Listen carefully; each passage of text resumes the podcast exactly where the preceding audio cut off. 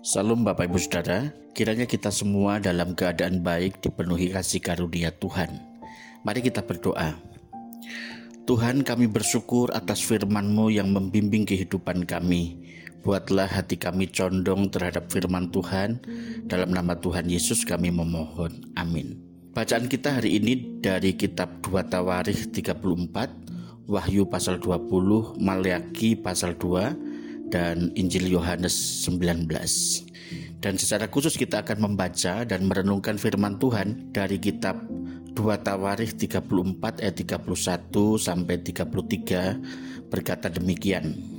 Sesudah itu berdirilah raja pada tempatnya dan diikatnya lah perjanjian di hadapan Tuhan untuk hidup dengan mengikuti Tuhan dan tetap menuruti perintah-perintahnya, peraturan-peraturannya dan ketetapan-ketetapannya dengan segenap hatinya dan dengan segenap jiwanya dan untuk melakukan perkataan perjanjian yang tertulis dalam kitab itu ia menyuruh semua orang yang berada di Yerusalem dan Benyamin ikut serta dalam perjanjian itu. Dan penduduk Yerusalem berbuat menurut perjanjian Allah, yakni Allah nenek moyang mereka. Yusia menjauhkan segala dewa kekejian dari semua daerah orang Israel dan menyuruh semua orang yang ada di Israel beribadah kepada Tuhan Allah mereka. Maka sepanjang hidup Yosia mereka tidak menyimpang mengikuti Tuhan Allah nenek moyang mereka. Respon kita terhadap firman Tuhan. Yosia menjadi raja Yehuda pada saat ia berusia 8 tahun. Namun demikian ia berbeda dengan Amon dan Manasye, ayah dan kakeknya yang begitu jahat di hadapan Tuhan dengan menyembah berhala. Pada zaman Yosia, kitab Taurat ditemukan dalam puing-puing reruntuhan bait Allah.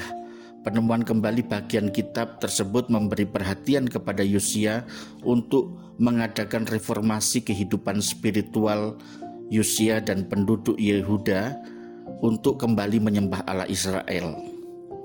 Setelah mendengarkan kitab Taurat itu, maka Yosia meresponi firman Tuhan dengan sikap yang benar. Pertama, Yosia bertobat dari segala kejahatan yang dilakukan nenek moyangnya dan bertekad untuk melakukan reformasi kehidupan spiritual sesuai dengan kehendak Allah bersama dengan seluruh rakyatnya. Kedua, respon Yosia terhadap hukuman Allah. Betapa dahsyatnya penghukuman Allah atas Israel dan Yerusalem karena meninggalkan Allah dan beribadah kepada dewa-dewa kafir. Sehingga sejak zaman kakek dan ayahnya keadaan Yehuda penuh dengan kemalangan. Ketiga respon Yosia setelah mendengar firman Tuhan, ia bertekad untuk membangun kembali bait Allah dan beribadah menyembah Allah di sana bersama dengan seluruh rakyatnya yang dipimpinnya. Dari sikap Yosia ini kita dapat belajar beberapa hal tentang seorang pemimpin yang memberi teladan kepada orang-orang yang dipimpinnya, bagaimana ia menghidupi firman Tuhan dan bertekad melakukan dan menyenangkan hati Tuhan. Walaupun Yosia seorang raja, ia bersedia mendengarkan firman Tuhan dan dengan rendah hati ia bertobat dan berbalik kepada Allah yang adalah raja di atas segala raja.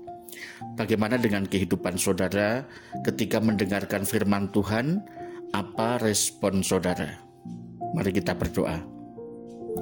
Tuhan, lembutkanlah hati kami ketika mendengarkan firman-Mu, supaya kuasa firman-Mu mengubahkan kehidupan kami. Dalam nama Tuhan Yesus kami berdoa. Amin.